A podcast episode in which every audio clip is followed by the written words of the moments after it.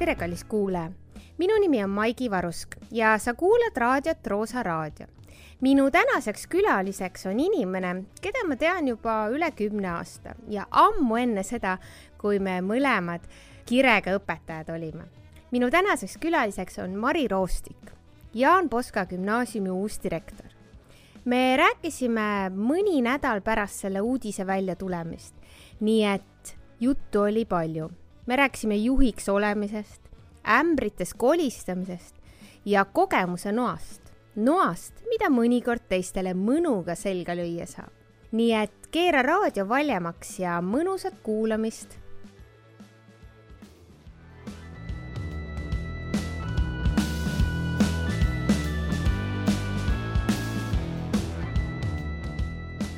tere mina usun, et kui me õpime teisi tundma, siis me õpime ennast ka paremini tundma. ja minuga on siin täna Mari, tere Mari. tere, Maigi.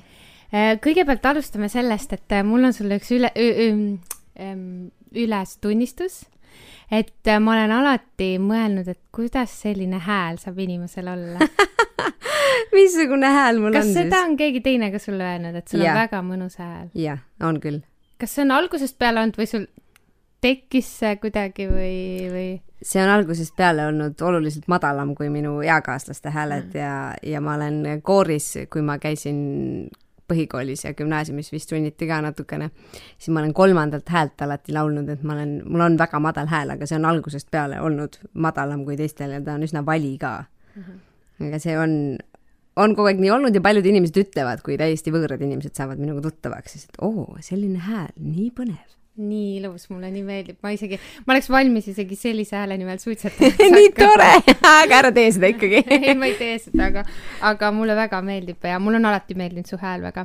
et ähm, kust sa praegu tuled? koolist koolimajast. okei okay,, mul on puhkus, aga sul on, sul on töö. no mul ametlikult ka puhkus, aga me tegime selliseid eh, mõttetalguid seoses selle elumuutuse ja ametimuutusega, mis nüüd kohe-kohe augustis juhtumas on.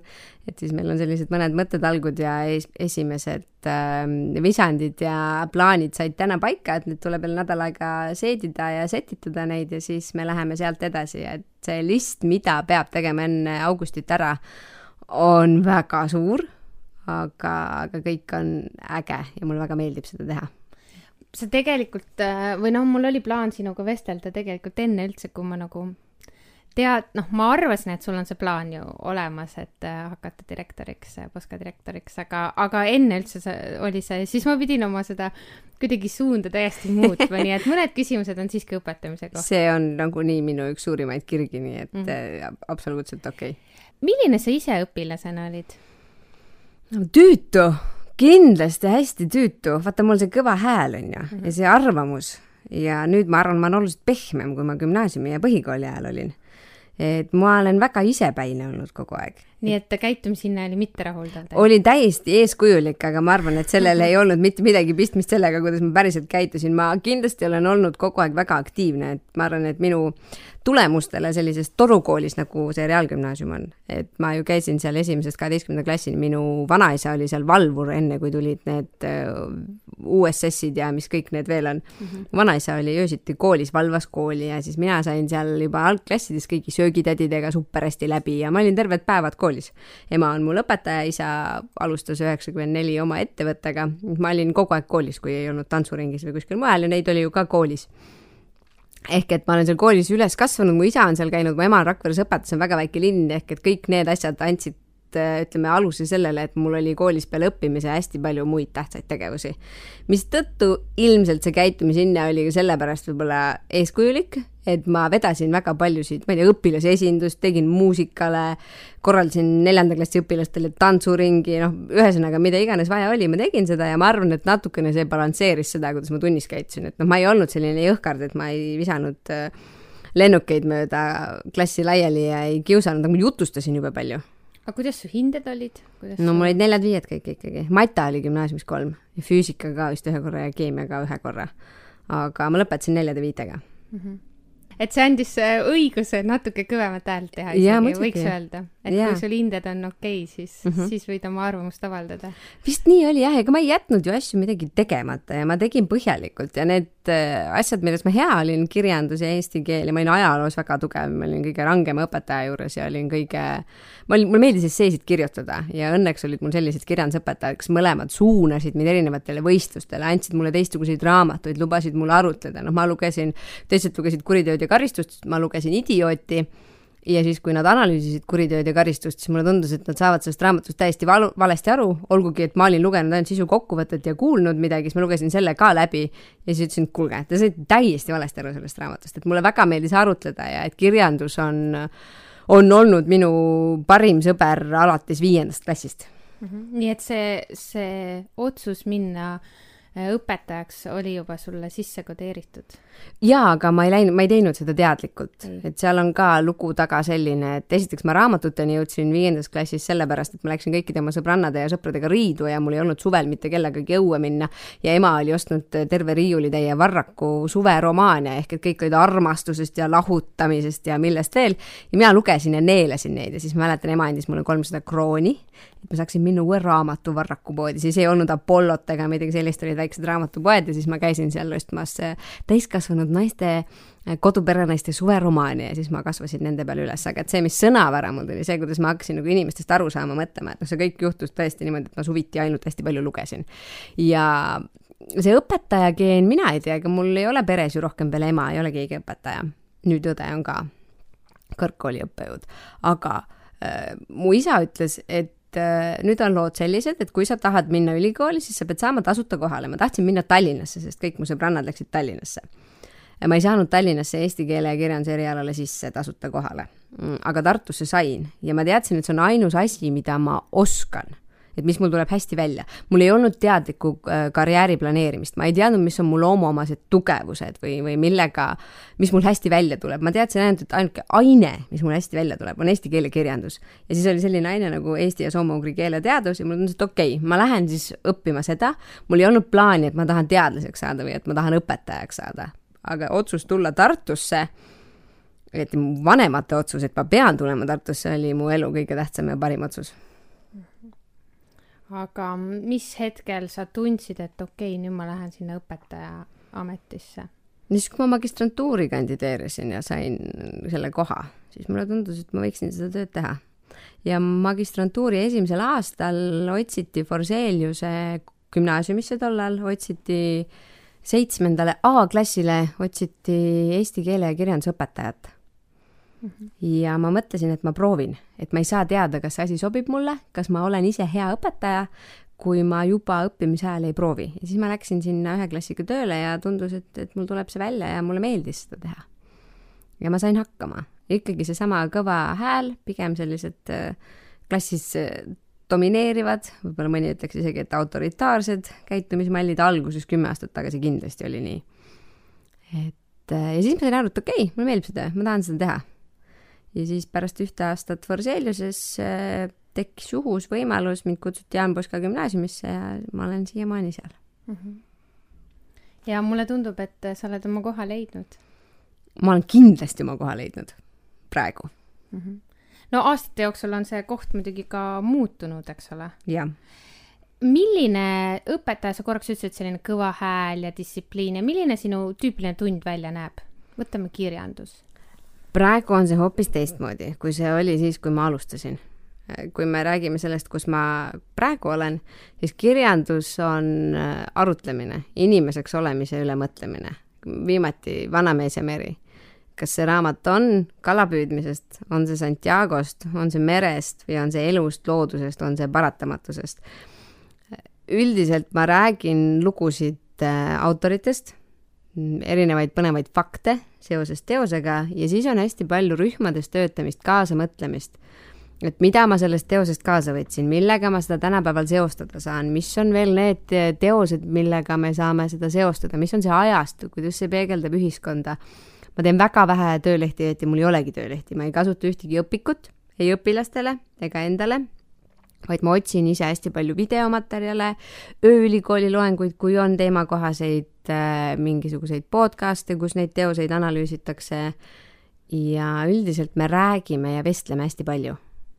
ja siis pärast raamatu, ütleme, üle vestlemist, mingid esitlused, teeme järeldusi inimeseks olemise kohta, vaatame sealt voolutunnused näiteks, vaatame stiili, Vanamehe ja mere puhul rääkisime tõlkimisest hästi palju, et enne seda lugesime Remarki Täävel ei ole soosikuid, et kui erinevalt saab ühte mõtet edastada, et Hemingway ju selles teoses on kasutanud ainult liht- ja lühilauseid aga et kuidas see tegelikult mõjub ja kuidas sinna vahele on hästi palju pandud ja just, et kuidas ta inglise keeles ütleb seda ja kuidas eesti keelde on tõlgitud, rääkisime üle pika aja just sellest tõlkimise aspektist, mis mulle tundub, et me kirjanduses oleme nagu kohati võib-olla väga kõrvale jätnud, et, et väga suur osa kirjandusest jõuab ju meie kaudu ikkagi tõlkijate vahendusel. Me ju püüame ikkagi rohkem eesti keeles lugeda, et pigem selline arutlemine ja õpilaste oma kogemuse jagamine mm. -hmm. mulle tundub, et sa lähed nagu oma liini, äh, aga kui palju on sul kõrval see riiklik õppekava ja need, need pädevused, äh, kõik need ettekirjutused?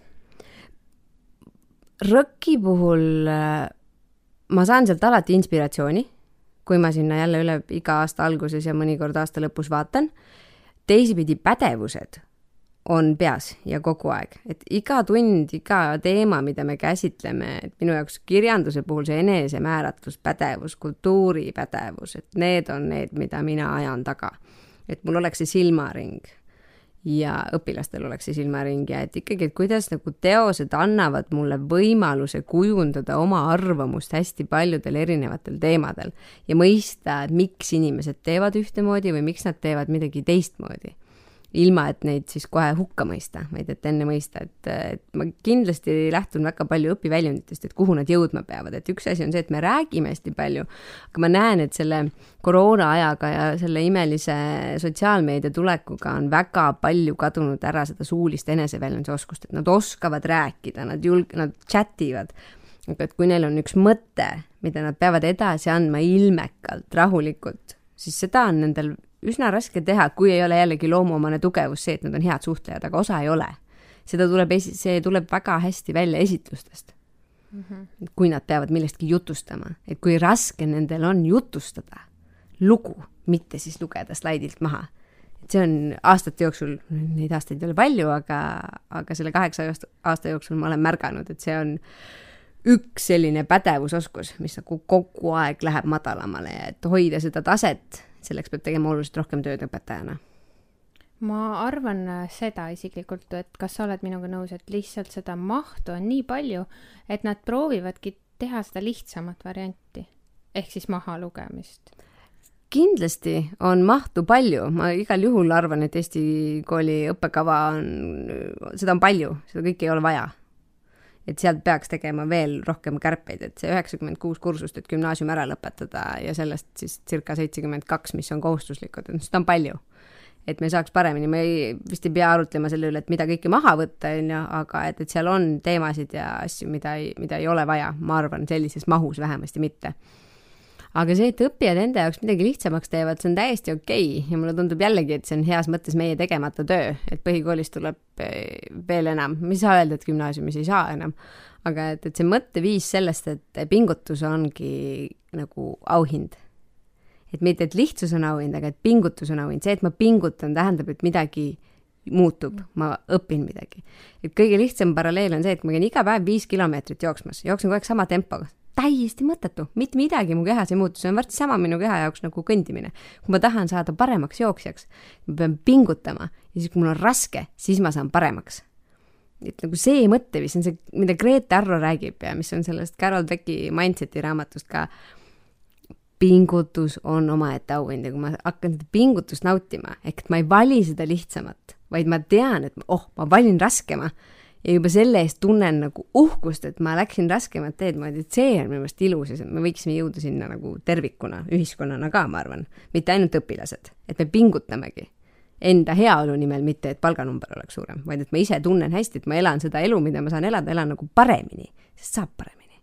issand, ma kuulan sind, sa oled hea jutuvestja et, et see on äh, väga inspireeriv, ma tahaks su kirjandustundi tulla. Väga sa... jaa, tule, tule, mul ainsad kursused, mille ma jätan endale nüüd uues ja. ametis ongi vist äkki üks kirjandus ja üks eesti keel.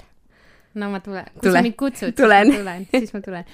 Äh, sa enne ütlesid, et sa olid valiku ees, kas olla suurepärane õpetaja või minna edasi juhtima äh, või juhi suunda. millal see oli ja räägi sellest natuke lähemalt. kui ma läksin Poskasse tööle, siis ma sain päris korraliku koormuse. Ma alustasin nii, et mul oli üks ja natukene rohkem kursuste arvestuses õpetajatööd, siis ma sain omale kohe klassi juhatada, ma ei olnud veel tegelikult selleks hetkeks isegi mitte magistrantuuri lõpetanud, ma sain kohe klassi juhatada. Ja siis olid meie koolis õppetoolid ja ma sain kohe omale vist humanitaarsuuna õppetooli, ma ei mäleta, kas see nimi oli selline. ehk et ma läksin tööle aastal kaks tuhat kolmteist, ma olin siis just saanud samal aastal kakskümmend kolm. Aasta olin Forseliuses enne seda töötanud ja mul sain päris korraliku laksu, sest noh, õnneks oli olemas üks hästi-hästi hea ja armas inimene, kes andis kõik oma materjalid mulle. ja tänu kelle materjalidele ma üldse esimesed kolm aastat sain aru, mida ma seal tegema pean, sest õnneks oli tegemist täiesti suurepärase õpetajaga, kes äh, jälgis seda, mida peab jälgima ja jättis kõik selle kõrvale, mida ei ole vaja. ehk et ma sain, see minu alguspunkt tänu Kristina Udele oli oluliselt äh, parem kui võib-olla, kui mul ei oleks Kristina Uudet olnud kõrval sel hetkel. Ehm, ja siis ma hakkasin seda õppetooli vedama ja õpetama ja klassi juhatama ja siis ühel hetkel olid erinevad põhjused, miks meil õppe, õppealajuhatajad vahetusid, ikkagi õppetool läks mul suuremaks, tulid kultuuri ja humanitaarained kõik kokku. ja siis tuli ette üks selline hetk, kus meil ei olnud enam õppejuhti ja kus Elmer Jõki otsustas, et meie koolis ei tulegi õppejuhti enam. meil on nüüd valdkonnajuhid, et me läheme selle Google'i mudeli peale ehk et meil on laiendatud juhtkond. ja sel hetkel ma ise enda sees pidin tegema valiku, et üks asi on töötada õppijatega, samaväärne, aga nüansirikkam on töötada õpetajatega, töötada täiskasvanud inimestega õppijatega töötamise ma olin enam-vähem selgeks saanud, sest seal paratamatult õpetajal on teatud moodi võim ja et noh, mina lihtsalt olingi tol hetkel väga range õpetaja, noh stiilis nätsu ei tohti minu tunnis närida. võtad sõna siis, kui selleks on aeg, ehk et see kord, õppimise keskkond oli minu tundides kindlasti, ma, ma tahaks mõelda, et, et ikkagi väga-väga soodne.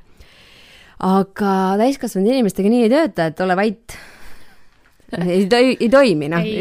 ilmselt nagu kuskil maailmas võib-olla toimiks, on ju, aga ma sain aru, et ei, Mari, et see ei ole see tee, aga et ma aga pean proovisid sa sellisel viisil? olen proovinud ja kõvasti kõrvetada ka saanud mm,. ma usun. ja siis ma pidingi tegema endaga selles osas tööd, et natukene ümber mõtestama selle, et mis, mis see juhi roll üldse on või et mis see õppetooli juhi roll on. et mida ma saan teha, et kas seal on inimesed minu jaoks, olen mina nende jaoks, et seal on nagu põhimõtteline minu arust lektüüri vahe oli. et kas ma loen äh, didaktika kohta, kas ma loen põnevate õpetamismeetodite kohta, aju kohta, et kuidas inimene toimib. Või ma hakkan ennast kurssi viima sellega, et mida tähendab olla siis, ma ei tea, võib-olla tol hetkel mitte, aga just keskastme juhiks saav inim-, noor inimene, erinevad generatsioonid ka, erinevad arusaamad et mida ma pean tegema, mis need äh, viisid on, kuidas tagasisidet anda, kuidas seda vastu võtta, et ma olen üsna emotsionaalne inimene ja minu näost on alati aru saada, kui vastus on vale, mida mulle öeldakse, mis noh, ühtepidi täna me oleme selles kohas, et inimesed teevad nalja selle üle ja ma olen ülitänulik. aga on olnud aegu, kus ma nagu siiralt mõtlengi, et mis mul on kõik hästi, normaalne vastus oli peas tegelikult, mõtlen ühte ja seda on ka näost aru saada, eks ma tegin selle otsuse, et ma tahan saada, et ma olen okei okay õpetaja praegu, aga ma tahan saada väga heaks siis keskastme juhiks või et ma tahan minna seda suunda, et ma proovin praegu nii mm. -hmm. et see ja siis, ja siis ma läksin ja kukkusin kogu aeg pikali ja siis ikkagi tõusin püsti ja läksin edasi, et neid hetki, kus ma olen mõelnud, et ma ei suuda, ma ei oska, see ei ole mulle, on olnud hästi-hästi palju. kas on ka olnud äh, hetki, kus sa oleks tahtnud loobuda? jah, ja ongi. mitte üks mm. -hmm. mis sind tagasi hoidis siis lõpus? Päris esimest korda, kui ma tahtsin loobuda, siis ma, mul õnnestus äh, maailm ja juhused ja universum, aitäh. ma läksin Pariisi terveks suveks Shakespeare and Company raamatupoodi. ma olin seal poolteist kuud vabatahtlik. ma kohtusin hästi erinevate inimestega. magasin raamatupoes, panin ennast õpilase rolli ja püüdsin aru saada, et mis see minu koht maailmas on ja seal üksi Pariisis oma unistuste linnas, kultuur, kõik inimesed, sain inglise keelega üle pika ajaloo uuesti sõbraks. leidsin sõbrad kogu eluks, seal ma sain kuidagi jalad nagu maa peale ja sain aru, et mis see minu telg on, mille ümber ma saan siis nagu ühtepidi ringi liikuda ja teisipidi, millal nagu ühest telje otsast teise telje otsa ma saan minna, et noh, selgelt ma olen üsna selline mustvalge inimene, et on, on kas nii või on valesti. Et tegelikult on seal veel palju maad ja et nagu, et kuidas seal telje peal liikuda, mis hetkel, missugust rolli võtta. ja ma läksin pärast seda veel üheks aastaks. aga siis ma läksin juba tööle sinna ma töötasin seal raamatupoes elasin Pariisis. terve suvi, hästi tore oli. hästi raske ka. et nii üksi ma ei ole küll kunagi olnud. aga see oli väga vajalik. et need on need hetked, kus ma olen nagu käinud iseennast kogumas. -hmm. olnud üksi ära omaette nende mõtetega, lugenud hästi palju ja siis tulnud tagasi, et okei okay,, ma proovin veel. aga tagasi, ma ei ole mõelnud, et okei okay,, aitab, hakkan IT-d õppima no pigem vist ikkagi olnud siin need inimesed, kellega ma koos töötan ja kelle jaoks ma töötan. et see inimene ja see vaim, need inimesed ja see vaimsus, mis seal koolis on või see, mida me oleme juba loonud, see, mis sünergia sünnib, kui me koos asju teeme. Et see on nagu päris asi. kui ma tahan maailma muuta, siis enam paremat kohta kui kool selleks ju ei ole. jah seda sa ühes ähm, vestluses mainisid, et võiks nagu fookusesse tuua, kui rääkida õpetajaametist, et kool on nagu kõige parem koht, kus maailma muuta ja pigem jätta see äh, raha nagu või see palganumber nagu tahaplaanile mm, -hmm. et kas sa ikka veel mõtled nii? see oli kuskil paar aastat tagasi õpetajate lehes ma lugesin selle sealt välja vähemalt ma kindlasti mingil hetkel mõtlesin nii ja eks mingi osa minust mõtleb praegu samamoodi, aga teisipidi sellises kapitalistlikus maailmas ma, ma olen seda meelt, et maksta tuleb vastutuse eest mm. -hmm. ja et õpetaja töö on väga vastutusrikas töö, väga vast-, eriti tänase koolile ette seatud, määratud ülesandeid, neid on väga-väga palju ja et õpetaja vastutab ju sisuliselt kõige eest, et ma näen, et õpetaja töö peab olema vääriliselt tasustatud. ja kui sa küsid mu käest, et kas õpetaja saab täna vahepalka, siis jaa, saab küll. sest see suurem osa õpetajatest täna peavad tegema nii palju tööd selle jaoks, et üldse olla head partnerid, võrdväärsed partnerid tänastele õpilastele ja ma ei mõtle teadmisi, ma ei mõtle seda elukogemust, vaid ma mõtlen just kõike seda, kui kiiresti me kohaneme. et see tänane põlvkond kümne aasta pärast läheks selle arusaamaga, mis aitab meil sinuga ühel, ühel hetkel nagu väga head pensionipõlve pidada et õpetaja peab täna väga palju tööd tegema, et ma arvan, et on, on kindlasti veel valdkondi, kus äh, tänane töötaja, kes on võib-olla viiskümmend pluss, kuuskümmend pluss, peab ka ennast nagu hästi-hästi palju harima ja kogu aeg asjadega kaasa minema. aga ma arvan, et õpetaja töö on nagu hästi agiilne selles osas, et kogu aeg on vaja midagi kuskilt mõt- äh,, ära lõigata, juurde võtta ja teha seda sisuliselt niimoodi, et koroona ajal oli seda ju vaja hästi kiiresti teha. no eelmine aasta oli see ikka ulme, see oli ulme. see oli, see oli tõesti ulme, sel aastal on lihtsam, et ma pigem arvan, et täna ikkagi õpetaja töö peaks olema noh, ma ei tea, kaks tuhat võiks ikkagi olla vähemasti see miinimumpalk. ja seda arvestades seda, et kui palju ja mismoodi, kui palju õpetaja peab tegema tööd kui halb on õpetada õpikute järgi, kui me ei räägi keeleõppest, millel on ju kaasas alati see online tugi, igast ägedad testid, eks ole, et see on mingi muu asi, aga et kui me räägime täna ühiskonnaõpetuse õpikust, siis kaks aastat tõenäoliselt tehakse seda õpikut ja siis on juba need teemad vanad. noh, ma saan aru, et mõisted, universaalsed nagu teooriad on olemas, aga et kui me neid näiteid sinna juurde paneme, siis tegelikult võiks olla kõik digitaalne juba no äh, eile Aktuaalses Kaameras oli juttu ka sellest, et äh, paljudes koolides pole õpetajatele pakkuda üldse nagu täiskohta mm. -hmm. et seda täiskohta ehk siis äh, noh, sa tahaksid minna õpetajaks, koht on olemas, aga see palk, mis sa sealt saad, on näiteks seitsekümmend protsenti sellest alammäärast, eks ole, et, et sealt tuleb veel see probleem, mis mm -hmm. tegelikult on. no see on muidugi vist koolivõrgustik. see on koolivõrgu teema, puhas poliitika. jah et ähm, ja kusjuures see jääb igale poole ette. vaata, et see, see haridusvaldkonna nagu parendamine ja edasisudimine, see on nii kompleksne ja see on nii, kuidas ma ütlen, et sa hakkad nagu ühest otsast kuidagi nagu parendama ja sa kogu aeg, ah, siin tuleb see takistus, ah, siin tuleb see takistus, eks ole. mulle tundub, et fundamentaalselt teeme selle koolivõrgu korda, et jällegi, kui me vaatame numbritele otsa, siis nii palju raha nagu üks nii väike riik, nii väikese nagu SKP-ga, nagu meil on, me ei saa enam rohkem haridusse panna see ei ole realistlik enam. et see protsent, mis meil täna läheb haridusse, see ongi see meie lagi. ei ole seda kuskilt mujalt ära võtta selle rahvastikuga, kõige sellega, mis meil on. küsimus on selles, kuhu me selle raha paneme ja kuhu see raha jõuab. me selle koolivõrgu korda teeme siis selles mõttes, et statistika ju ütleb ka, et meil on õpetajaid üle täna, just kui me vaatame nagu mm -hmm. kohti ja kõik see, mis sa just rääkisid. me teeme, peame tegema koolivõrgu korda, me peame tegema põhimõttelisi otsuseid, et mis on need astmed, mis peavad olema kodu lähedal, et õppija suudaks minna ise kooli, et ta suudaks koju tulla, et ta saaks seal söögi tegemise hakkama, et kõik on ju õpiväljundid, kõik on ju pädevused, eks aga et kas meil on mõistlik pidada gümnaasiume igal pool, no selgelt ei ole, riik on juba teinud head otsused, meil on riigigümnaasiumid. paneks need bussid ka tööle õiges suunas liikuma, eks ole. teeks Tallinnas koolivõrgu korda ja lõpetaks ära selle kolme õpilasega põhikoolis, no ütleme siis see on kolmas aste, eks, seitse kuni üheksa, võib-olla ei ole seda vaja et noh, see, see ei ole ju mingis mõttes, ma näen, see ei ole võrreldav, et, et kui mul tuleb Poskasse õpilane, kes ongi õppinud üheksa aastat klassis, kus on kolm õpilast ja siis mul tuleb õpilane Reenikust, kus on kogu aeg olnud kakskümmend kaheksa. et kui erinev see pädevus on, suhtlemispädevus, enesemääratluspädevus ja me võime rääkida, et selle õpilasega on seal rohkem tegeldud, aga et maailmas ju ei ole niimoodi, et minuga tegeldakse ja ülikoolis ainult õppejõud räägib mulle nii, nagu mina sulle siin praegu räägin, no seda ei ole.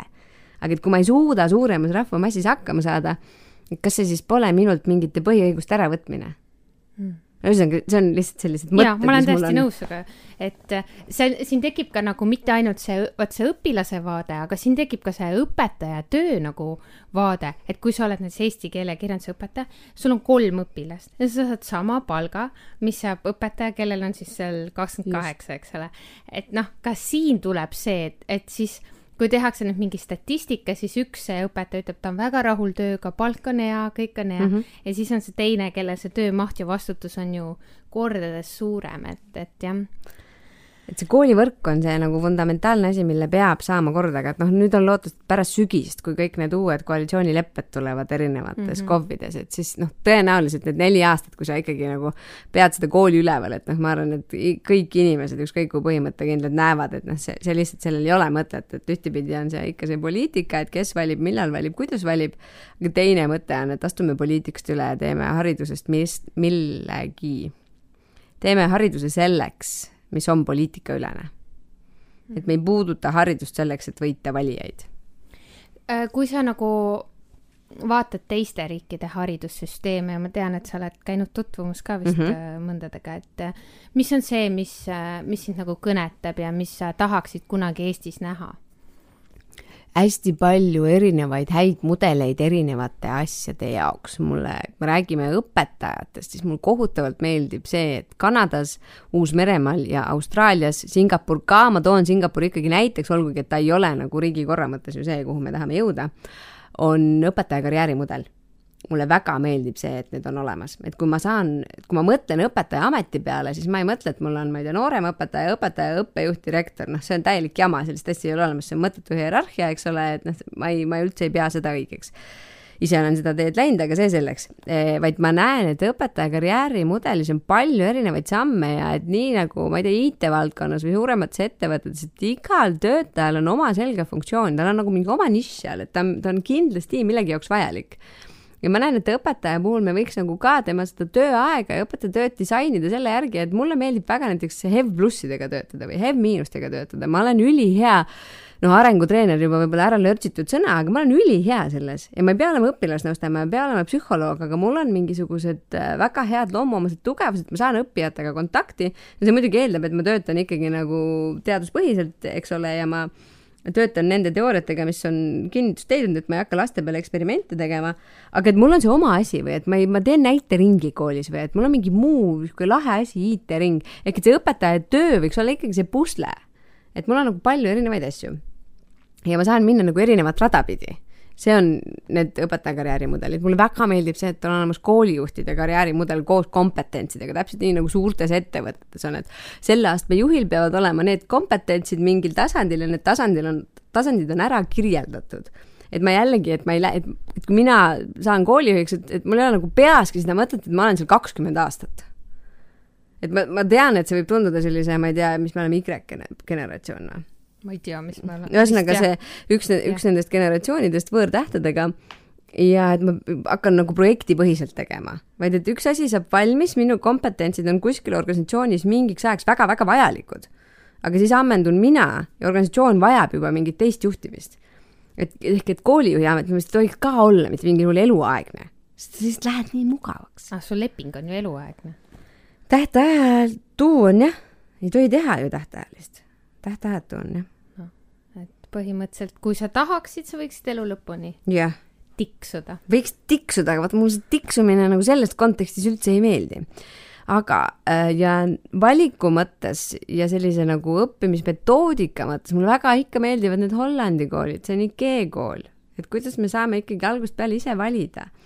ja kus meil on nagu teistmoodi keskkond, et me ma ei arva, et me peame kõik Eesti koolid nagu maha lammutama ja uuesti ehitama, aga ma arvan, et, et see keskkonnal on oluline roll, et õpilastel on oma pesasid, kuhu minna, et, et on seda soodustatud, see vahetunni ajal see omavaheline suhtlemine, et see telefon ei tulegi taskust välja, sest mul on nii äge siin nagu nii põnevad inimesed, me satume täpselt sellisesse kohta, sest on ju nii palju uurimusi, kuidas sisekujundus mõjutab seda, kas inimesed suhtlevad omavahel või mitte. aga see peab olema tasakaalus, et on pesasid, kus ma lähen üksi, panen ukse kinni ja keskendun, õpin vene keele sõnu või ma lähen ja teen seda bioloogiaprojekti, et saada aru, et kuidas need lapsed siis ikkagi sünnivad. et see keskkond peaks olema tasakaalus, et mulle meeldib just see, kuidas väga paljudes riikides on pööratud tähelepanu keskkonnale õpikeskkonnale just, füüsilisele. aga ma selles mõttes olen ikkagi meie riigi patrioot, et ma arvan, et parimat haridussüsteemi nagu meil on, nagu põhimõtteliselt ikkagi täna veel maailmas ei ole. et teiste riikide kogemus on hea, põnev, oluline, Sloveenias on ka tegelikult hästi huvitav, kuidas nad seal toimetavad, aga et noh, ikkagi see võistlemist ja seda on hästi palju, aga samas ma ei arva, et me peaks liikuma Soome suunas, kus ei ole üldse võistlemist ja medaliste ei tohi seina peale panna ja mitte mingit tunnet ei tohi tekitada, et sa oled kellestki halvem või kellestki parem. no ma hea ja tugev selline positiivne konkurents viib edasi ja teeb paremaks. kas gümnaasium on kõigile? ei ole. ja see peab olema okei okay,, et see ei ole. gümnaasium ei ole kõigile, et, et põhikool on, tuleb ära lõpetada, meil on väga tugev põhiharidus, aga gümnaasium kindlasti ei ole kõigile. praegu nagu tundub ta ikkagist ka massiprojekt kohati on, me lihtsalt teeme selle massiprojektiks, et ma ei saa siin näpuga kellelegi näidata, aga meil on vaja teha kogu aeg gümnaasiumikohti juurde. ja et ma arvan, et see on ikkagi see arusaam sellest, et mu laps peab minema gümnaasiumisse. et see, see kuidagi on kuskil sees ja ühtepidi on see ju tore ja see on nagu edasipüüdmine, et see on kõik õige. aga et kuna see on meil vabatahtlik kooliaste, siis seal on üsna palju pingutamist, et kui põhikoolis võib-olla heas mõttes me veame läbi ja toetame kõiki lõpuni, siis gümnaasiumis ju seda tegelikult ei ole, et me toetame nende võimaluste piires, mis meil on. aga gümnaasiumiklassid on ju oluliselt suuremad, me räägime kolmekümne kaheksast õpilasest ühes klassis. me ei saa igaühte sealt läbi toetada. ma näen nagu selles mõttes, äh, Eestis on minu meelest hästi palju häid erinevaid gümnaasiume ja neid tüüpe ja vorme, et me oleme hästi omanäolised ja mulle väga-väga meeldib see. et see on olemas ja õppija saab valida aga et me võib-olla jah, võib-olla natuke fetišeerime seda gümnaasiumiharidust sellisel kujul, et kõik peavad käima kuskil, ma ei tea, tippgümnaasiumis, ma ei tea, mida see mõiste tähendab, aga siiski. et mina käisin reaalgümnaasiumis, ma olen väga rahul sellega, kus ma käisin. miks ma seda küsin, on see, et äh, um, kui ma kuulasin ühte intervjuud sinuga Vikerraadios paar nädalat tagasi, siis mul jäi mulje läbi, läbi äh, ridade vahelt lugesin välja, et sa nagu ei noh, see on nüüd väga halb sõna, aga sa ei viskaks kedagi koolist välja. jaa, eh, ma saan aru, mida sa mõtled ja ma pidasin selle all silmas eh, seda koroona aastat mm. -hmm. et kus ma, jällegi, et siin on nagu mitu tasandit, et sellisel nagu ühel tasandil ma arvan, et need, kes pingutavad, teevad tööd ja näevad vaeva, need võivad rahulikult gümnaasiumis olla. ja ma näen, et et need inimesed, kes, või need noored, kes võib-olla ei teinud seda valikut teadlikult, nad ei lähtunud oma loomumastest tugevustest, nad ei lähtunud sellest, mida nad päriselt tahavad ja tulevad gümnaasiumisse, siis me tegelikult mingis osas võtame neilt aja ära. koroona kontekstis ma ei pea õigeks seda, et me viimase pooleteist aasta jooksul, kui meile tuleb õpilane kümnendasse või ta tuleb üheteistkümnendasse või ta on üheteistkümnendas, et me ta keset koroonaaega koolist välja viskame. sest see, mis meil praegu Eestis on, on see number neid noori kes ei ole koolis ega tööjõuturul, see on nii suur. ja meil ei ole seda, kuidas ma ütlen, me ei saa väikeriigina lubada endale seda, et meil lähevad noored kaotsi ja raisku. et see põhikoolist väljalangemine võib-olla noormeeste puhul ja et need, kes ei lähe edasi, et, et see on suur ja see peaks olema väiksem. ehk et ma mõtlen eelmise aasta peale ja ma ei kujuta ette, kuidas ma ise noore inimesena oleksin kümnendast klassist kukkunud välja, mul ei ole piisavalt õpioskuseid, võib-olla on veel mõned halvad kokkusattumused äh, ja ma pean minema uude kooli.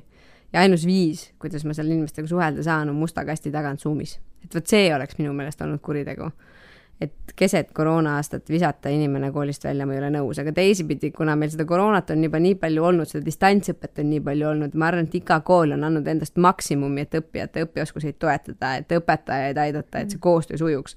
ja kui ma ikkagi nagu pooleteist aasta jooksul ei saa aru, et see ei ole mäng, vaid et see on päris, siis ma arvan, et väga paljudel ei ole sügisest mõtet enam järgmisesse klassi gümnaasiumis minna.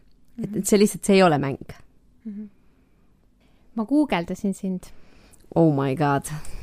Eh, mis sa arvad, mis on esimene asi, mis tuleb või mis üldse seal Google'is sinu kohta leida võib?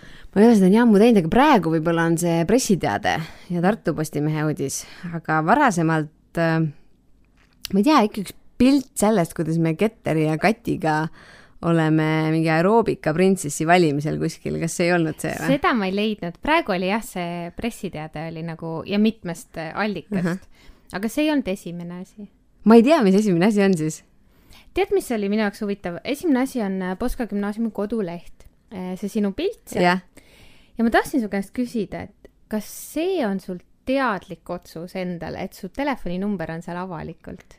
jaa, väga teadlik ja hästi pean õigeks seda. kas see on su isiklik number või su? täiesti minu isiklik number. väga põnev. kas see lihtsalt tuli sinna, sa olid nõus või, või sa juurdlesid ka kuidagi selle üle, et panna see sinna? Veider, ma ei ole selle peale üldse mõelnud, see oli nii automaatne, et loomulikult, et ma olen kooli õppejuht, loomulikult mu telefoninumber peab seal olema olemas, loomulikult inimesed peavad saama mulle helistada, kui neil on päris küsimused.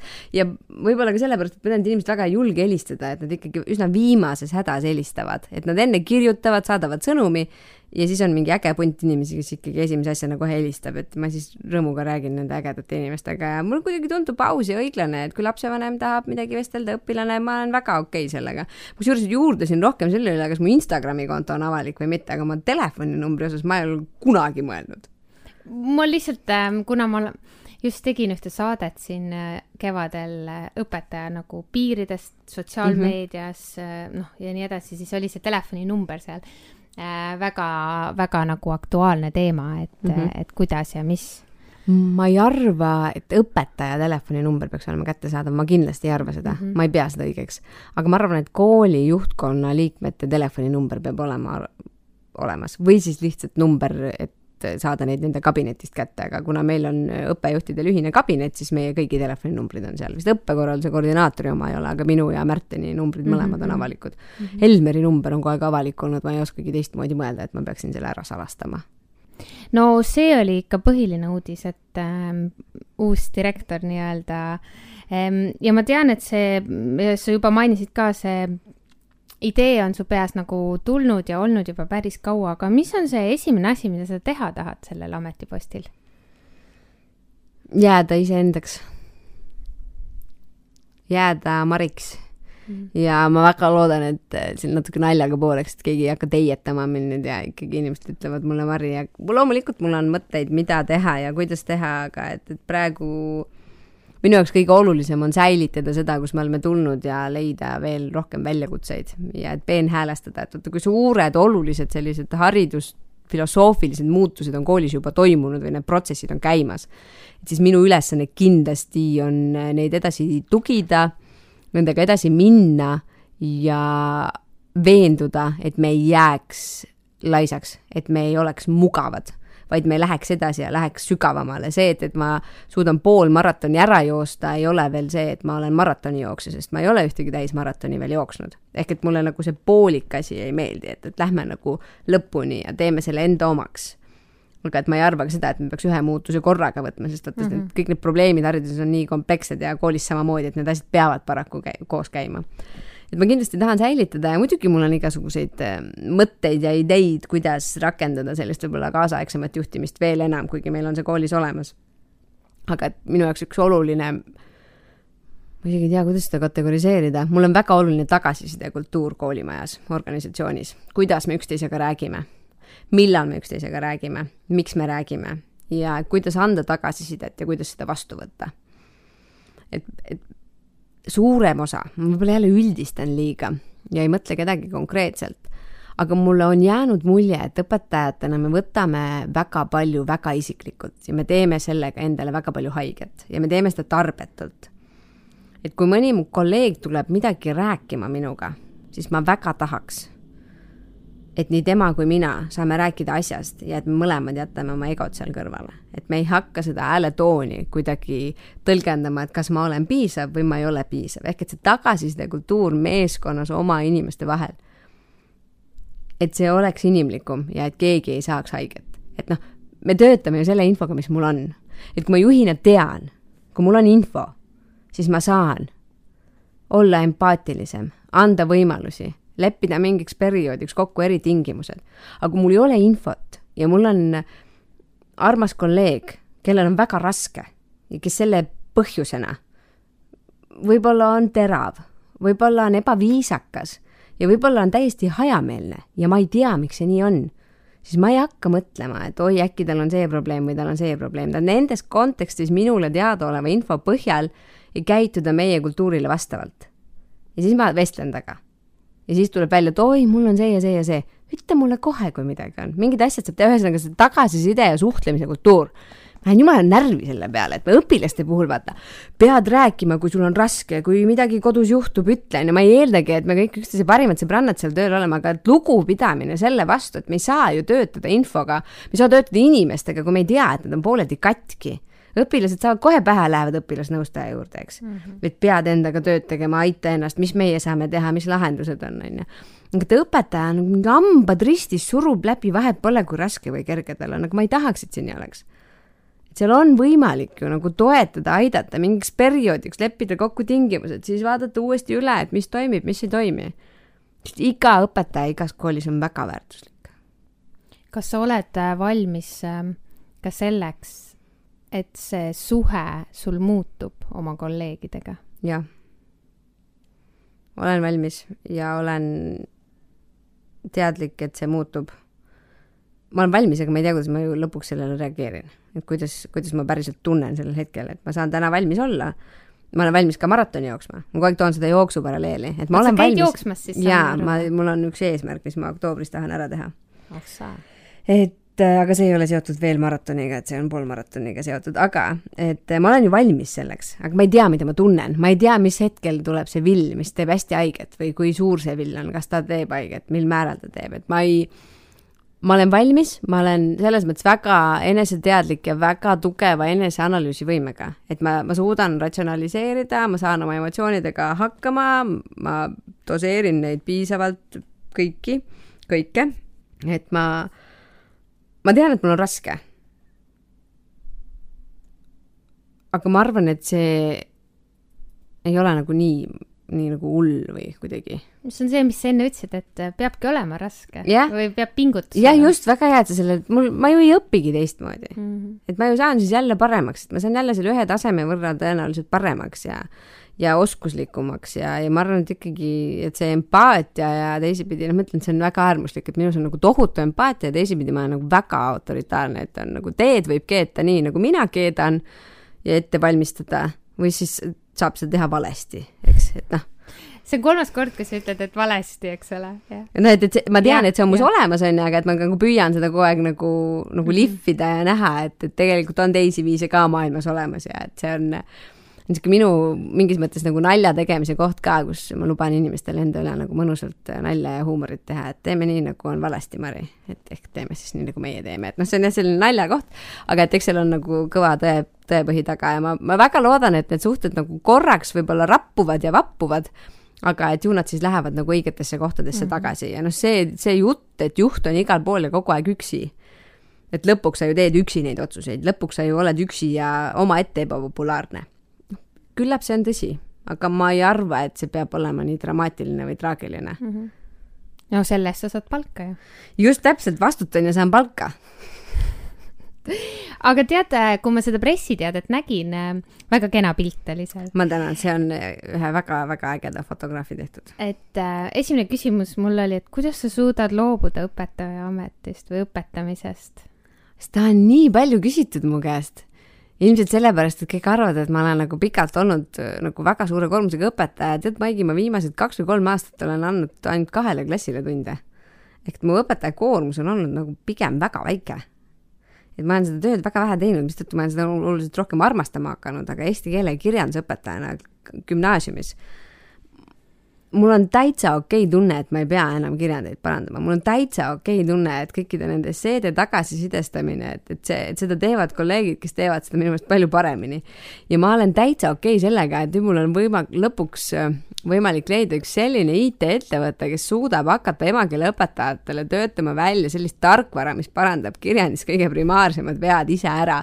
et mis annab meile nagu võimaluse selliseks äh, kirjandi, ütleme, Google doksi vormis tagasisidestamiseks, et kus ma ei pea igale poole kirjutama, et siin on äh, küsisõnaga, mida algab kõrval lause, siin see lõpeb, siin peab olema koma, et ma saad aru, et mul on nagu mingid noh, nagu tag'id, et ma saan panna, vot siin on see viga, siin on seda tüüpi viga, et loomulikult sa saad ise kõike ära värvida, aga et vaata, kui palju see aega võtab mm. -hmm. et luua nagu selline nagu abistav tarkvara õpetajale, et kogu minu fookus jääb selle sisu tagasisidestamisele, et minu fookus on selle mõtteprotsessi ma ei tea, suunamisel või küsimisel, et kuidas sa mõtlesid, et sa niisugusele järeldusele jõudsid, ükskõik, kas see on siis väga õige või täiesti kat-, katastroofiliselt vale mm. -hmm. kuidas on loobuda klassi juhatamisest? ma ei loobu klassi juhatamisest. ei loobu või? Meil on mentorsüsteem koolis ah,. ja ma olen olnud nüüd kaks raundi klassijuhataja ja nüüd sügisest olime, oli mul kümnes klass, nüüd hakkab üheteistkümnes. ja me läheme hästi tugevalt üle selle tiimi juhtimise ja mentorsüsteemi peale, et lihtsalt seda coach imist rakendada rohkem, vaata nii suur klass on, kolmkümmend kaheksa õpilast, see on tõesti nagu mission impossible, et sa suudad kõiki jälgida ja me tegime selle pooleks. meil on kaheksateist õpilasega või üheksateist õpilasega mentortiimid kelle siis arengut mina järgmised kolm aastat sada protsenti jälgin, meil on kaks korda aastas arenguvestlused, tugevused, nõrkused, kõik muud asjad. et mina nagu töötan nende õpilastega ja nende vanematega ja nagu vestlen ja, ja katsun aru saada, mis nende huvid ja hobid on. ja ma ei loobu sellest, ma jään edasi mentoriks nii et sa jääd mentoriks, sa jääd andma mõnda ainet? jaa, kaks kursust jääb mul ainult, mis on kokku nädalas siis äh, kahel perioodil on mul siis kolm tundi. kas siia ei ole et, sisse kodeeritud äh, juba väike läbipõlemine? Ei, sellepärast, et arvestades, kui palju ma praegu olen teinud, siis ma peaks jumalast leegiga põlema siin, siin sinu stuudios, mitte nagu siin rõõmsalt särevalt naerma, et, et minu koormus oluliselt maigi väheneb. ah soo et mentordamine jääb ja ma olen nagu hästi seda meelt, mida Elmer on kogu aeg öelnud, et sul peab olema vahetu kontakt õpilastega. sa ei saa olla, noh, sa saad, aga ma ei, mina võib-olla ei oska teistmoodi et ma tahan näha, mis need lapsed on seal, nad on muutunud nii palju, et ma tahan olla vahetus kontaktis, ma tahan seda õpetaja töö, seda raskust ikkagi tajuda või kergust tajuda, sõltuvalt siis perioodist, eks ole, ja sõltuvalt ülesannetest, mis me neile anname. et ma, ma tahan seda tööd ikkagi edasi teha, aga ma arvan, et see nagu on oluline, et, et mul mingi kontakt on, et ma võin ju aegamööda, kui ma näen, et kas see ei tule mul hästi välja või see ei ole õppijatele hea, et kindlasti on ju neid kohti, kus ma võib-olla ei ole alati majas on ju ikkagi see töö väljapoole, on need mm -hmm. koolijuhtide omavahelised suhted, on see, et, et mida me nagu hariduse jaoks tervikuna teeme, on Eesti koolijuhtide ühendus, et neid kohti, kus ma nagu olen jala sisse andnud ja kus mult on terve, terve jalg võetud, neid on palju. et ma nendega saan nüüd natuke rahulikumalt edasi töötada, peaasi, et õppija ei kannata mm. -hmm. no ma juba väga, väga ootan äh, sinu esimesi äh, asju seal ja eks ma hoian silma peal. sa pead, ma ei tea, hoia, aga siis anna tagasisidet, kui midagi ega ei, ega kusjuures ega teise kooli õpetaja ju noh, ei näe ju mm -hmm. kõike ja ei peagi nägema ja, ja eks see juhtimine on ju sissepoole väga palju ikkagi. just, just mm, -hmm. et ta mhm. peakski olema see, see osa juhi tööst kindlasti on sissepoole ja siis on mingi väike nõks väljapoole, et lihtsalt olla kursis sellega, mis toimub ja kuidas toimub ja kus toimub et mina ootan ka põnevusega, et mis, mis saab ja kuhu me jõuame ja kuhu me läheme, et see on, äh, see on väga, need on väga suured kingad, mis mu ees on, need on erakordselt suured kingad ja see on päris hirmutav, aga ma jällegi mm, tegelen igasuguste probleemide ja tunnetega siis, kui need tulevad mm. -hmm. püüan natuke ennetada, aga mõtet ei ole ju kogu aeg muretseda. ei ole. küsin su käest ähm, mõned küsimused äh, ja sa võid vastata esimese mõtte, mis sul pähe tuleb mm -hmm. või äh, pikemalt äh, arutleda, kui sa tahad. ja sul on üks jokker kokku ehk üks võimalus nii-öelda loobuda vastamisest või okay. öelda üldse kolmas variant. okei okay.. nii, alustame. kas õpetajaks sünnitakse või kasvatakse? kasvatakse. kas juhiks sünnitakse või kasvatakse?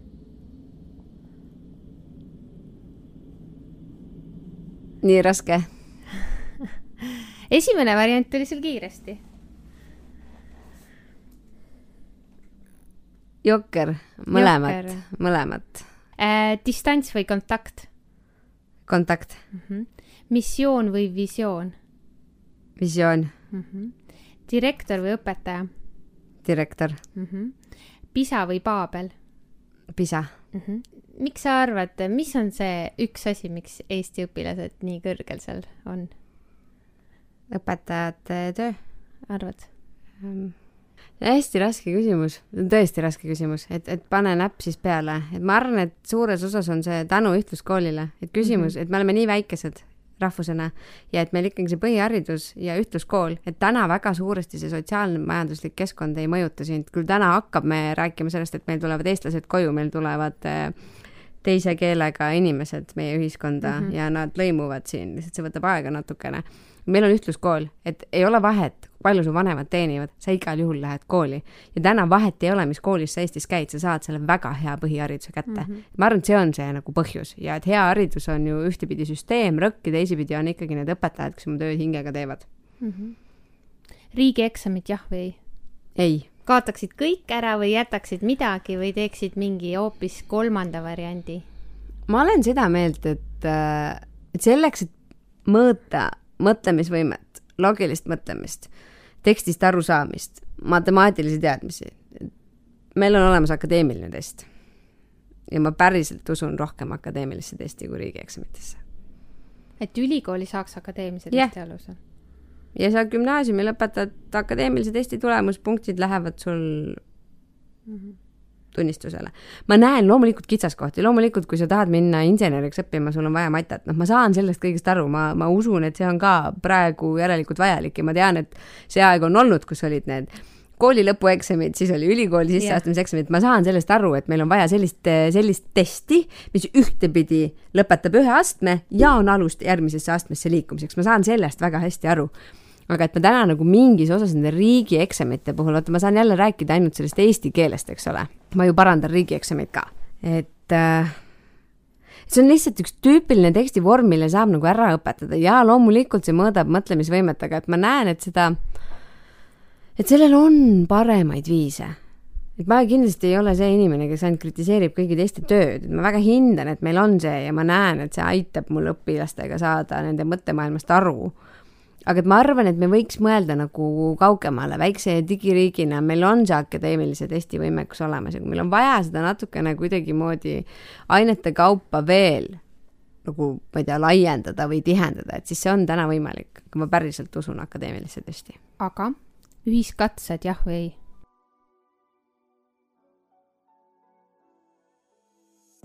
ja siin on aeg väikseks pausiks võib-olla väike selgitus ühiskatsete juurde. ma pidasin silmas Tartus toimuvaid ühiskatseid, mis toimuvad alates aastast kaks tuhat viisteist ja kus osaleb viis Tartu gümnaasiumi. hetkel on testide seas eesti keel, matemaatika ja loodusained. Postimees nimetas kunagi neid katseid amokijooksuks. nii et paneb mõtlema, eks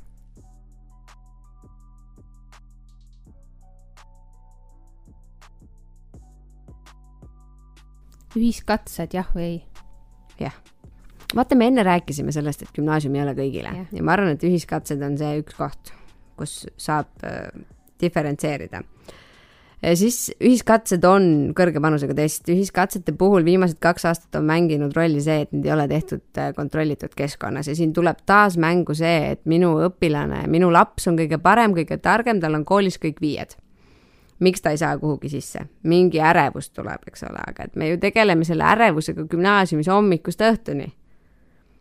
et äh, mina arvan, et ühiskatsed on mõistlik, see on hea lahendus ja kui me saame neid teha edasi kontrollitud keskkonnas, kui me jõuame ühel hetkel sinna, et põhikooli lõputestid või eksamid, ükskõik kuidas me neid nimetame, on lihtsalt natukene kõrgema panusega, kõrgema panusega, võib-olla on äh, ühiskatsed ka pikema aja jooksul ja ta on ikkagi, diferentseerib seda ülemist otsa, siis meil ei ole kahte eksamit enam varsti vaja. ma arvan, me oleme väga lähedal sellele, et me saame need kaks asja kokku panna. aga et igal juhul on seda vaja no mina näen õpetajana seda, et, et on äraühiskatsed, tulevad need tulemused, siis õpilastel on vestlused ja nad saavad kuhugi kooli jaatava vastuse mm. -hmm. ja vot siis on niisugune põmm alla nagu natuke sihuke motivatsioonilangus või mm, -hmm. või noh, see piik on ära olnud mm, -hmm. see pingutuse piik on ära mm -hmm. olnud ja siis on sihuke nagu no ma tahan hingata nüüd onju mm -hmm., aga mina õpetajana pean ju nagu edasi mm -hmm. minema oma asjaga mm, -hmm. et sellepärast, et minu kui õpetaja vaade on nagu siin see põhikooli õpetajana, et mm, -hmm. et noh, et et kas ja kuidas, noh, kas sellel on üldse mõtet siis nagu sel ajal teha veel seal riigieksameid või noh, neid mm -hmm. lõpueksameid mm, -hmm. et noh, et, et see on see, aga nagu sa ütlesid, et võib-olla tuleb hoopis mingi mingi selline üks asi, mis yeah. nagu paneme õppijad ka nagu heasse olukorda, et noh, selge on see, et riigil on vaja ka mõõta, et HTM-il ja Arnol me peame mm. saama nagu tagasisidet, et meil on vaja nagu, meil on vaja seirata, meil on vaja mõõta mm -hmm. igal juhul ja võr-, mõõt-, noh, ütleme võrrelda ju saab ju neid asju, mis on nagu, mida saab võrrelda, eks mm. -hmm väga loogiline lause. aga ühesõnaga, mina olen ühiskatsete pooldaja küll mm. -hmm. kogenud või puhas leht? puhas leht. mida sa mõtlesid selle all praegu, kui sa vastasid? kogemus on minu meelest vahel selline nuga, mida saab kõvasti inimesele selga lüüa ja siis arvata, et vot, kogemusega lähen. et see kuidagi on nagu, et muidu on nagu kõik hästi, aga et siis ma võtan selle kogemuse noa ja atša, löön sulle selle selga, sest see nagu kuidagi ma olen alati selle puhta lehe poolt ja mulle väga meeldivad need värsked mõtted ja ma, ja aeg-ajalt tuleb teha endale ka restart ja enda sees käia ja, ja kuidagi see puhas leht leida, et tegelikult see puhas, ma arvan, puhas, puhtas lehes on nagu mingi tohutu võlu. et olles ise ja võib-olla nagu püüeldes selle poole ja nähes seda inimest, kes tuleb puhta lehena kooli, et seda on, see on hästi ilus. mul on siin üks ähm, selline tore jutt, et oli õpetajate tuba kunagi istusime seal ja mul oli vist üsna raske tund selja taga. ja siis üks kolleeg, noh, proovis mulle siis nagu nõu anda, onju, ja siis ütles, et jah, et sa siin noh, et näha on, et sul on nagu raske, et ma olen juba üle viie aasta olnud nagu õpetaja, onju. ja siis ma nagu vaatasin talle otsa, ütlesin, kuule, ma olen juba üksteist aastat õpetaja olnud nagu kokku, et noh, et, et noh, et, et ta proovis nagu kogemusega mind aidata mm, -hmm. aga asi ei olnud üldse kogemuses, vaata, et noh, et see oligi see nuga, vaata, millega ta proovis seal surkida. just, ja see, noh, asi ei ole tegelikult üldse sageli, kogemused on nii erinevad, vaata, sest see, see kümnend, kus me õpetame, see on andnud meile nii erinevad kogemused ja see ei pruugi olla täna see, mida mul vaja on. kahtlemata kogenud õpetaja saab nende murnikatega jube hästi hakkama teinekord, aga et ma ütlen, igal mündil on kaks poolt, kogemuse mündil on väga oluline pool. aga ma arvan, et sellel on ka oma ohud, täpselt samamoodi nagu puhtal lehel on peale selle ilu on seal ka kindlasti nagu seda ämbrites kolistamist omajagu mm. -hmm. aga et jah mm. -hmm. kohe või hiljem? Alati kohe. alati kohe. kõike ja kohe on vaja. täitsa naljakas. sa ei anna endale aega, et mõelda? ma olen õppinud seda tegema ma olen hästi palju õppinud, ma püüan, ma teen seda hästi teadlik töö iseendaga, aga muidu mul on kohe kõike vaja. nagu kohe, ma tahan hakata valmistuma selleks, nii, mul on kohe vaja seda. et see on jällegi, see on mingi osa minust, mis ma tean, et ma olen hästi aus praegu, eks, et, mul on kohe vaja kõik, et ma tegelikult ju tean, et see ei ole juhina voorus. et, et see on miski, millega tuleb tegeleda. ja et ma pean olema kannatlikum ja minu koer on seda mulle nii palju õpetanud, et, et kui see kuuekuune, tänaseks kuuekuune koer siis meie ellu tuli neli kuud tagasi, siis ei ole midagi kohe, vaid kõik tuleb rahulikult ajaga ja vot sume on mulle hästi palju seda kannatlikkust õpetanud. Ju tuli õigel ajal tuli jah, koroonakoer, vaata nii, traditsioon või uued tuuled? uued tuuled mm. -hmm. Tartu või Rakvere? Tartu. oled sa mõelnud tagasi minna? ei. mitte kunagi? ei. Lähed? reedel lähen aga, aga ei, Tartu on, on minu kodu mm. -hmm, mm -hmm. kodu või kool? noh, miks me selle jokkeri endale võtsime nii on, annad ära ja. ja siis tuleb selline küsimus. no see kodu või kool mm.? no praegu on kool. et sa elad kooli jaoks praegu, kooli, kooli vaibis? jaa, mulle meeldib jaa, ja praegu on kool. aga see ei tähenda, et kodu ei ole, lihtsalt kui ma praegu valin, kas kodu või kool, siis ma praegu ütlen kool, sest see on aus mm. -hmm. kuidas sa ennast välja lülitad? Lähen koju ja loen, lähen jooksma, jalutan, koristan, õpetan koera, mängin koeraga, vestlen oma elukaaslasega viimastest mm, ma ei tea, podcast idest, mida ta on kuulanud, mõtlen selle üle, teeme nalja, praegu on jalgpall. mul on hästi palju viise, kuidas ma ennast välja lülitan. aga kas see mm, tuleb sulle loomulikult või see on ka midagi, mille nimel sa oled pidanud väga palju tööd tegema? väga palju olen pidanud mm. selle nimel tööd tegema. kas sul oli ka see, et, et tegid õhtuti ja öösiti ja tööd ja õpetajana alguses? ma ei ole ööinimene, ma olen hommikuinimene okay., ma ei suuda öösiti, ma ei suuda õhtuti mõelda väga palju. ma olen pigem, et ma ärkan neli viiskümmend viis üles ja teen siis hommikul näiteks mm -hmm. kuuest üheksani, lemmikaeg, millal tööd teha. noh, nagu kui me räägime mm. -hmm. nagu paberitööst või Jaa. mingisugusest ettevalmistusest, kindlasti parim aeg. ma ei ole väga hea pärast viit mõtleja enam, siis ma saan nagu arutleda, filosofeerida, pärast viit ma ei suuda nagu sageli väga strateegiliselt enam mõelda, et tekib liiga palju lünkasid, mida ma pean nagu hommikul parandama. aga kui sa küsid äh, ööde kohta, siis ma tegin nädalavahetuseti hommikust õhtuni. Et ma ikkagi reeded vahel võtsin endale õhtule, et olin lihtsalt kodus, aga ma ikkagi teen nädalavahetuseti väga palju tööd, et, et sageli, kui on nagu hullud perioodid, siis mul ei ole vahet, mis päev on, ma ärkan iga päev täpselt sama kell ja lähen täpselt sama päev maga-, täpselt samal ajal magama ja ma teen hästi selgelt nagu tööd, aga aga jällegi, et see enda väljalülitamine, mul piisab lihtsalt sellest, et ma võtan mingi krimka ja ma kolm tundi loen diivani peal ja ma olen juba täiesti teises maailmas ja ma olen juba puhanud mm. -hmm. et see on asi, mille nimel ma olen väga palju tööd pidanud tegema, aga ma täna ei, ei karda enam seda, et ma põlen läbi. sest ma ikkagi suudan väga selgelt ennast välja lülitada, ma, kuidagi saan aru, et nüüd on aeg, vaata, et nüüd sa juba oled teinud näiteks neli halba otsust, et see ei ole okei okay. Et see halb otsus ei pea olema nagu suur katastroofiliste tagajärgedega, vaid ta on nagu minu enda jaoks halb otsus. ma saan aru, et Okei. okay,, et sul, sa ei jaksa praegu, puhka korraks, Eh, aju või süda, aju kumba rohkem kuulad? viimasel ajal õnneks aju, ratsionaliseerin palju rohkem, kui lasen oma emotsioonidele ennast juhtida, sest see on mind viinud parematesse kohtadesse. ma vaikselt ka õpin seda, aga vaikselt, tasa ja targu ja ega ma räägin ka siin, et see tuleb mul enamasti välja, ikkagi nüüd oluliselt rohkem mm. -hmm. kui kunagi varem, aga aju on õige vastus. nais- või meesõpetaja, see on mu lemmikteema, et sa teaksid. ju, see on ju täiesti ebaaus küsimus, selles mõttes, et see on nagu õpetaja, inimene, nais või mees, jumala vahet ei ole ju, aga aga oled sa seda vahet ähm, näinud või kuulnud või Jah. tunnetanud? muidugi, ühtepidi meesõpetajatel on palju rohkem lubatud kui naisõpetajatele. ja neid on lihtsalt nii vähe ja see, mis on nagu rariteetne, see kuidagi sellele on nagu rohkem lubatud või vähem lubatud ja no tegelikult ka koolikeskkonnas, kui me räägime kollektiivist, et siin kõik võivad öelda küll, et ei ole, mis asja, kõik on võrdsed, aga no vaadake õppenõukogusse, kes võtavad sõna sageli ja kelle arvamus jääb sageli peale, et noh, seal on nagu ma ei arva, et see nagu mingi väga suur probleem on, aga see on probleem ja sellel on nagu murekohad ja küsimused, millega peab igas koolis vastavalt vajadustele tegelema. Aga mina ei tea, õpetaja on õpetaja, minu meelest ei ole vahet, kas ta on mees või naine. sa pead valima. Nice, okei okay,, väga hea eh,. medikament või meditatsioon? meditatsioon.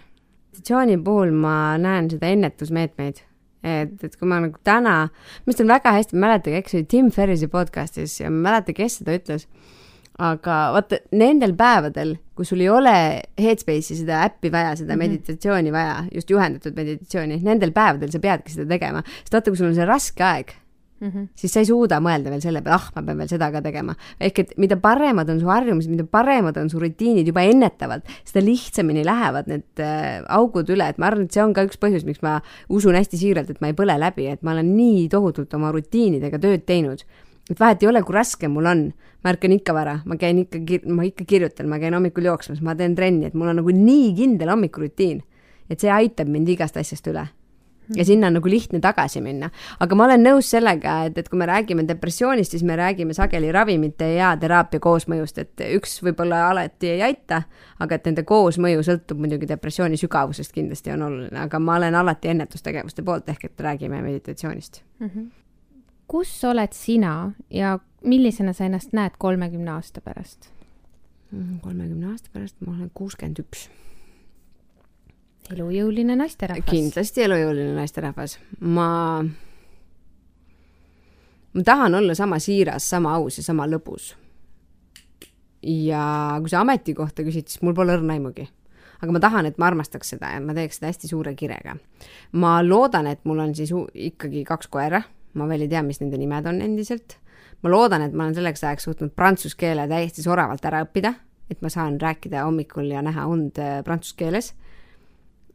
ja ma tahan, et ma kuuekümne ühe aastaselt ikka näeksin põhjust, miks õppida ja miks saada nagu veel paremaks et ma suudaksin, et ma suudaks ikka elada nagu väga head elu. ja et mul ei oleks seda kogemuse nuga, mida ma teistele selga lükkaksin jumala eest, et mina seda ei teeks. jah. -hmm. kas sa hariduse valdkonnas oled? muidugi olen. oled õpetaja? võib-olla mm. -hmm. kas sul on veel midagi hingel, mida sa tahaksid jagada? jaa, ma jään selle juurde, ma olen seda igal pool öelnud. aga Tammsaarel on õigus, kui sa teed tööd, kui sa näed vaeva, siis tuleb armastus, aga armastus tuleb enda vastu ja siis tuleb maailma vastu ja siis võib-olla hakkab keegi sind ka armastama, aga Tammsaarel on õigus mm. -hmm. no vaatame, kui palju, kui, kui kaua või noh issand, me oleme nii kaua ju tööd teinud sinuga juba, juba peaks ju kohal olema, tegelikult on küll kohal. on kohal. on, on ju? minu jaoks on kohal. ja sellepärast ma raiungi seda ühte lauset, et see, see tuleb ja see jõuab kiiresti kohale. ma olen ka sellist äh, lauset kuulnud, tee tööd ja näe vaeva, siis tuleb halvatus see on siuke, tead, siuke nali või? ja, ja vot ma ei, jah, ma, ma saan aru, miks selle tsitaadi ümber saab nalja teha ja, ja mis seal kõik valesti on aga ma ütlen, ma olen seda nagu tööusku inimene ja et see töö kõlab inimestele nii nagu võib-olla tüütult mingi üheksast viieni, whatnot, mina näen seda tööd ikkagi sellega, et kui sa tahad ennast armastada, et see ei tule nagu niisama. et seal on erinevaid teid, seal on hedonismi tee ja siis seal on selline distsipliini tee ja siis seal on sihuke, et mingi olen sihuke lihtsalt fun inimene tee, et seal on palju erinevaid teid, aga seal on ka hästi teadlik enesearendustee, mis võib-olla, võib olla oluliselt lihtsam kui see tee, mida mina olen valinud aga armastus tuleb, minul on kohal igatahes. kohal, nii lahe, nii lahe. mis, mis lausetega sa alustad oma esimese septembri või kõnet? ma ei tea. ma arvan, et ma ütlen, et tere, mul on hästi hirmus. kas teil on ka? kui ma pöördun kümnendike poole. ma ei tea, ma nüüd hakkan mõtlema seda esimese septembri kõnet juba. ei, ära veel mõtle, sa pead ikka puhkama ka enne. jah, ma, ma ei tea veel, aga võib-olla see on mõni Tammsaare tsitaat. igal juhul äh, ma soovin sulle palju-palju äh, õnne kõigepealt. sest ma tean, et, et sa oled õiges kohas ja ma soovin sulle palju edu äh, uuel ametipostil. aitäh! ja ma loodan, et äh, ma siis saan selle kutse sinu äh, tundi jaa, kui tunniplaan on valmis, siis ma saadan sulle lingi. jaa, ma tuleks väga hea meelega, ma ei oskagi midagi sa pead enne ütlema, mis raamatu ma läbi pean lugema. saadan sulle kohustusliku. issand, kui õudne, ma juba kardan kuigi mulle meeldib ka väga ja ma olen väga seda, seda usku, et õppima peab mm, -hmm. õppima peab. aga aitäh sulle ja mis su järgmine plaan täna on? Kooli jälle või? ei, ma lähen nüüd koju, ma lähen koeraga jalutama ja siis ma ausõna vaatan sarja, vaatan ühe sarja ära mis sarja sa vaatad? ma alustasin, mulle hullult meeldivad krimkad. ma olen nagu Netflixi varsti kõik krimkad ära vaadanud, ma, no see on kõige parem aju väljalülitamise viis uh, -huh. mul on praegu selline sari pooleli nagu Safe. ja mul on viimane osa vaadata. olgu. aitäh sulle! aitäh! see oli Roosa raadio järjekordne osa. suur tänu kuulamast! millal, kellega ja kunas me järgmine kord kohtume, eks seda näitab aeg. Auf Wiederhören!